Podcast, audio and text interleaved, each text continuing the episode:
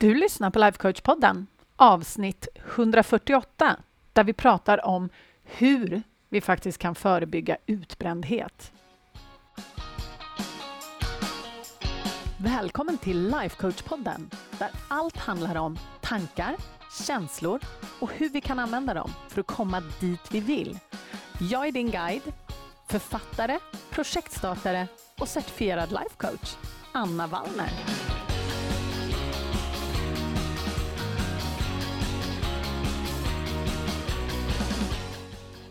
Men hej hallå på er! Nu är det snart jul, vill jag bara säga. Så det här är faktiskt sista avsnittet av Life Coach-podden för 2023. Sen kommer vi ha två veckor uppehåll över jul och nyår. Och sen tror jag det är den tredje, va? När det är måndag igen. Och då sätter vi igång. Jag planerar att ha ett avsnitt som kommer ut måndagen efter nyår, säger jag. Så har jag inte sagt för mycket. Så idag så ska vi faktiskt avsluta året med någonting som... nu låter det jättekonstigt. Någonting som är väldigt exalterande för mig. Men som faktiskt har uppkommit just på grund av det som sker runt omkring oss. Jag vet inte om du har sett den senaste utbrändhetsstatistikstrenden. Den har ju inte varit så himla bra överhuvudtaget liksom, de senaste åren, men det blir stadigt värre och den mentala ohälsan runt omkring i landet blir värre och värre. Och det här är ju en superstor kostnad, inte bara för den som faktiskt drabbas. För det är ju helt ärligt inte speciellt kul. Många av mina kvinnor har ju antingen varit på väg in i väggen eller varit inne i väggen. En eller kanske till och med flera gånger. Och det här är ingen barnlek. Det är inget kul. Och Försäkringskassan har ju kommit fram till också nu att det som faktiskt måste göras, eller borde göras och behöver göras, är ju förebyggande åtgärder. För när man väl sitter i kaklet, då är, man liksom, då är skadan redan skedd. Och problemet också med utbrändhet, och det vet ju du som kanske lyssnar och faktiskt har gått in i väggen och har en utbrändhetsdiagnos bakom dig. Man blir liksom inte riktigt sig själv efteråt. Eller vissa blir det, men de absolut flesta blir liksom inte riktigt tillbaks på 100 procent. Så därför är det ju superviktigt att förebygga det här. Så jag håller helt och hållet med Försäkringskassan om att förebygg, förebygg, förebygg. Och inte nog med att en utbrändhet drabbar en person så drabbar den ju också den familjen och alla nära och kära och all oro som skapas och kanske förlorad inkomst till familjen och det blir osäkerhet. Det blir ju så många ringar på vattnet i liksom den personliga kretsen. Men sen så drabbar det ju här också företagen såklart. De blir ju av med en jätteviktig resurs på sitt jobb plus att det blir rehabilitering och massa kostnader på det sättet. Så att inte nog med att det är mycket lidande involverat i utbrändhet så är det ju faktiskt också, om vi ska vara lite krassa, mycket samhällsekonomiska kostnader som är involverat i just det här med utbrändhet. Så det finns så många anledningar till att förebygga det här. Och jag tycker att alla är viktiga, även om ni vet att jag är mest intresserad av att ni ska må bra och skapa det liv som ni vill. Men vi är ju alla liksom en del av det här samhället och det vill vi ju att det ska fungera också. Och när sjuktalen går upp och våra kollegor blir utbrända så går ju det också inte bara ut över dem utan ut över oss och så ska man... Ja, jag behöver inte gå igenom allt det här. Du vet ju precis vad det är som händer när det blir många som blir utbrända och utmattning, utmattningssyndrom heter det ju. Så därför så ville jag prata lite om det här idag, eller ganska mycket faktiskt. Jag vet att ni har hört mig prata om det här förut, men alltså 2017 på sommaren där, då fyllde ju vår son ett år och jag var ju på riktigt en millimeter från att gå in i väggen. Och om inte du har hört mig berätta om att jag satt i en hög på golvet och grät, alltså sådär riktigt fulgrät, så kan jag säga det, att det var, det var liksom när jag slog i botten. Och på riktigt så förstod inte jag hur jag hade hamnat där. Där och då så fattade inte jag det, men det var som att allt sköljde över mig. Och vi kan ju leta efter orsaken till varför vi bränner ut oss i våra jobb och våra att göra-listor eller om man kanske har en tryckande karriärhets eller krav som vi ställer på oss själva. Men grejen är det att det finns bara ett enda ställe som vi egentligen borde titta och det är den här känslan av stress. Och stress kan ju kännas på jättemånga olika sätt. Du vet, man kan ju få den där stressen som nästan är panik. Liksom.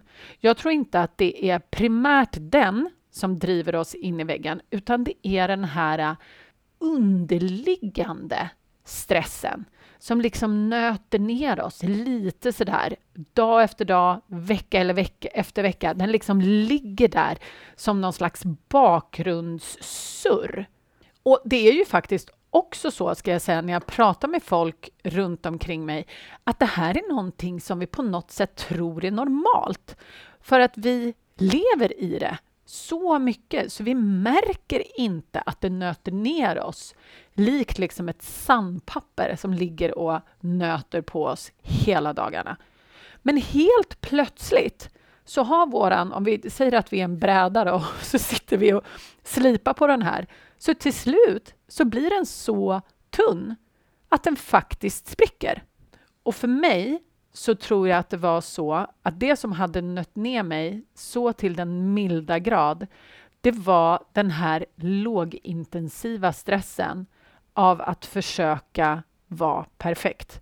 Många av oss som pratar om det här, och du är kanske en av dem, vi brukar prata om det som duktig flicka-syndrom. Och det kan låta jättefånigt, men dessvärre så är det här en supervanlig anledning till att man går in i väggen för många kvinnor. För grejen är det att vi har inte bara pressen från jobbet, utan vi har också pressen som vi ofta har internaliserat på grund av vår socialisering, så att vi liksom lägger den på oss själva. Så när vi då kommer hem, då börjar liksom det här välberömda andra skiftet, att ta hand om alla andra och fixa och dona. Och inte nog med det så kanske man lever i någon slags föreställningsvärld att man också ska vara hälsosam och man ska träna och sen ska man gudbevars också ha tid för egen tid och self-care och allt vad det heter. Vilket gör att vi liksom, det blir som en gigantisk tårta med krav som vi har på oss. Och alla de här sakerna, de bygger upp den här lågintensiva stressen. Och när man är i det här så känns det så himla sant. Jag vet det, jag pratar med kvinnor varje dag som upplever det här. Och jag känner igen mig hur mycket som helst. För jag var också där. När jag satt där på golvet och grät på parketten så kändes ju alla de här måsten inom situationstecken och borden, de, kände ju, de kändes absolut 100 procent sanna. Och när jag liksom aldrig räckte till så befann jag mig i det här, den här stresscykeln, kan man väl säga.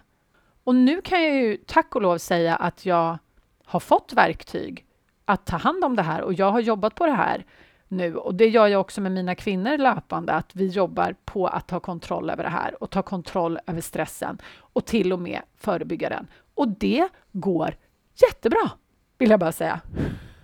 Så då är vi ju, kan man säga, tillbaka på det här som Försäkringskassan pratar om, att faktiskt förebygga stressen. För att det är ju inte... Nu, återigen, om det är så då att du har lyssnat på mig på den här podden länge, då vet du vad jag kommer säga nu. Om det är så att du är helt ny här, på podden. Gud vad kul! Välkommen! Jättekul att du är här. Jag skulle föreslå att du går tillbaks till de första avsnitten och lyssnar så kommer du förstå exakt vad jag menar. Men det är så här att stress kan inte skapas av våra arbetsplatser och våra att göra-listor eller våran karriärhets eller våra familjer, utan det är det vi tänker om allt det här. Sen är det självklart så att ju fler triggers du har runt omkring dig, det vill säga kanske jättehöga personliga krav på dig själv. Du kanske har supermycket på jobbet. Du kanske behöver vara där 9-10 timmar om dagen. Sen ska du hämta de aktiviteter. Jag säger inte att det inte är mer utmanande att hantera sina tankar kring detta än vad det är om du har ett möte per dag.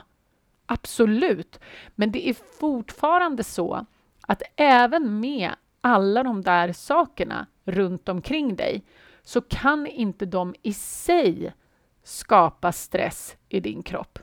För det måste komma tankar emellan. Och efter alla år nu så vet jag att det som väldigt många kvinnor tänker som skapar stress är just de här Åh, jag måste hinna med det här. Jag borde ha gjort det här. Varför har jag inte kommit längre? Varför kan jag inte skärpa mig? Det här borde vara gjort redan och nu är det jul snart och jag har inte köpt några julklappar. Alltså, du vet, alltihop det här. Och när vi har liksom som ett soundtrack i våra hjärnor som ligger och hela tiden lite trycker de här tankarna undermedvetet, då kommer vi också skapa den här undermedvetna stressen. Så för att kunna förebygga stress så behöver vi ju helt enkelt välja vad vi tänker. Vi behöver kunna styra våra tankar och göra det med flit. Och det är så roligt. Min mamma är en fantastisk kvinna på så många sätt. Och en av hennes väninnor hade frågat henne. Min mamma är 76 just nu och hon har precis gått i pension, säger hon. Men det är inte riktigt sant, för hon jobbar fortfarande som specialistläkare. Och hennes väninna hade frågat henne, men Margareta, varför blir du aldrig stressad? Och då sa hon, jag låter inte mig själv bli stressad. Och det tycker jag är en sån fantastisk det är en sån fantastisk insikt att jag kan faktiskt bestämma själv att ingenting blir bättre av att jag stressar upp mig.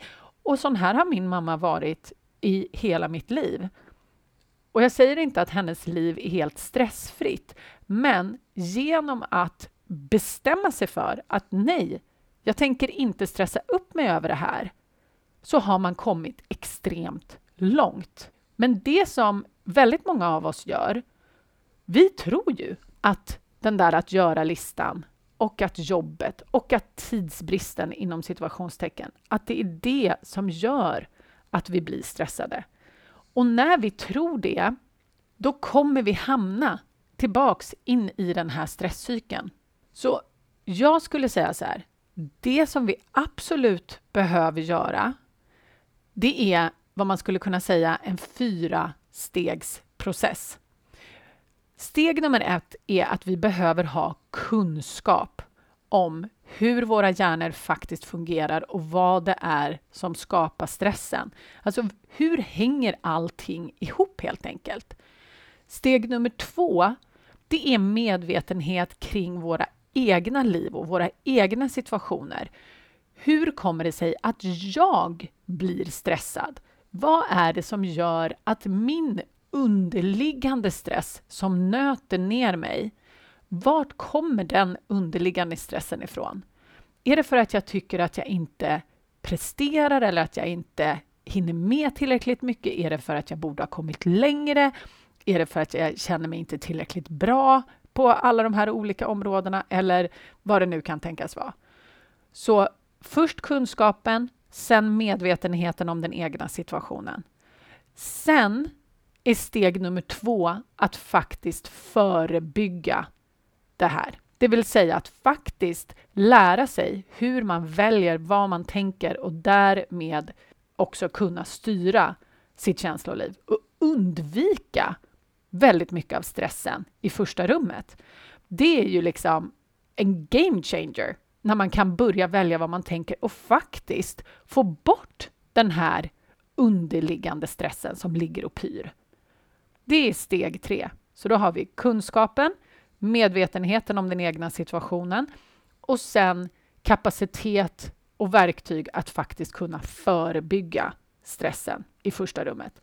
Sen är det sista steget att faktiskt kunna hantera stressen när den väl kommer upp. För grejen är det att vi är inte robotar. Vi kommer inte kunna kontrollera våra tankar och känslor till 100 procent. Ibland kommer stressen komma upp och då är det superviktigt att vi vet hur vi faktiskt ska hantera den och processa den i våra kroppar. För det är så att det är först när stressen liksom blir långvarig och bygger upp i våra kroppar, det är då som vi faktiskt är i riskzonen för att faktiskt bränna ut oss. Jag ska säga det att Världshälsoorganisationen, WHO, de definierar ju faktiskt utbrändhet som att resultera från kronisk arbetsplatsstress som inte har blivit framgångsrikt hanterad.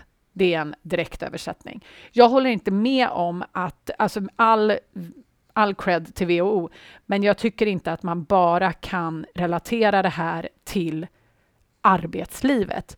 För som vi pratade om innan så finns det så många fler saker som gör att man kan hamna i väggen. Så därför så är det så himla viktigt att veta hur man faktiskt hanterar stressen när den faktiskt kommer. Så de fyra stegen är då alltså kunskapen, medvetenheten, verktygen att förebygga stress och sen när den väl har kommit att kunna hantera stressen.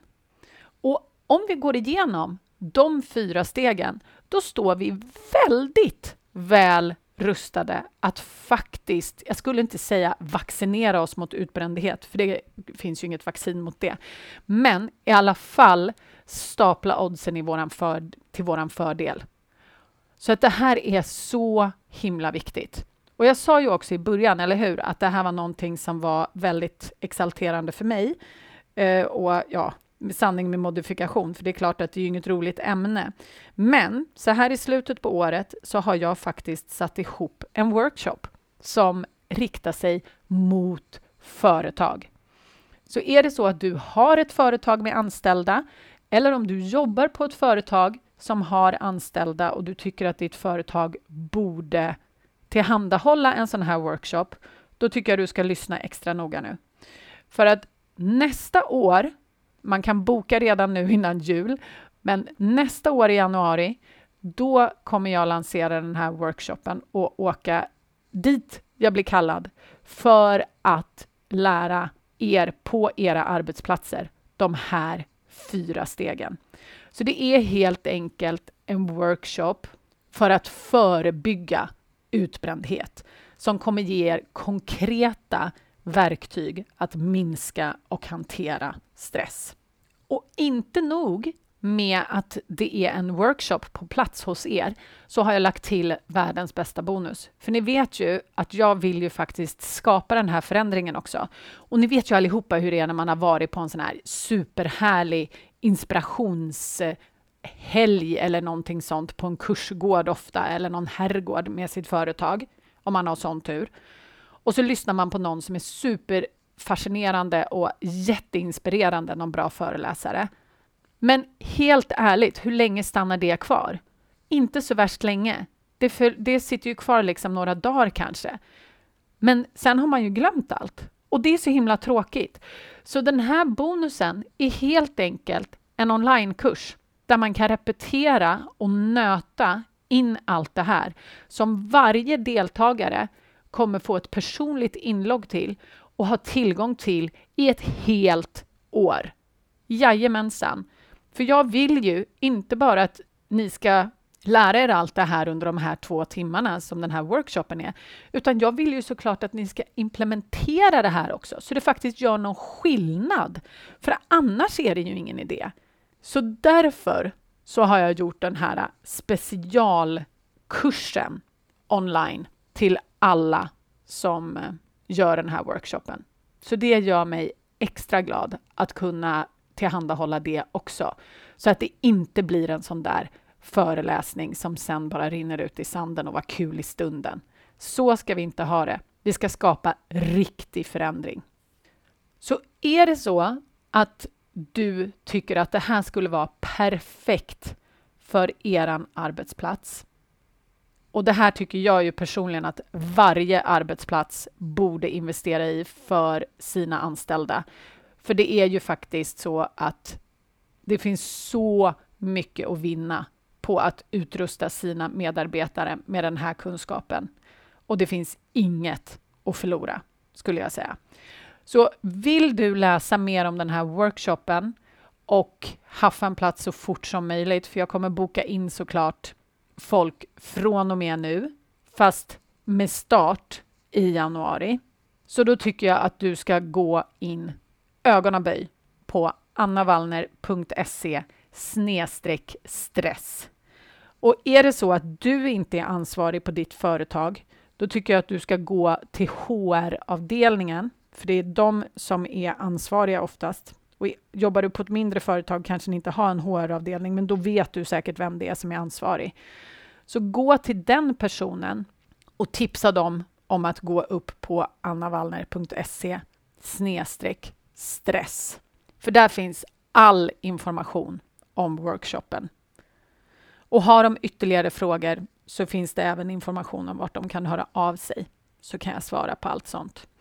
Så nästa år, hörni, så kommer det bli ett bra år. Ett år då vi kommer förebygga stress på arbetsplatserna så att fler får lära sig alla de här verktygen som gör så himla stor skillnad. Så med det sagt, hörni, så hoppas jag att jag får komma ut just till din arbetsplats nästa år och att jag får träffa dig såklart, eftersom du kommer ju vara den som initierar alltihopa. För är det någonting jag älskar så är det att träffa alla er som lyssnar på podden. Det är så fantastiskt. Och med det sagt så vill jag önska er ett så himla gott nytt år och först såklart en jättegod jul. Superstor puss och kram till er allihopa och så hörs vi och förhoppningsvis så ses vi också.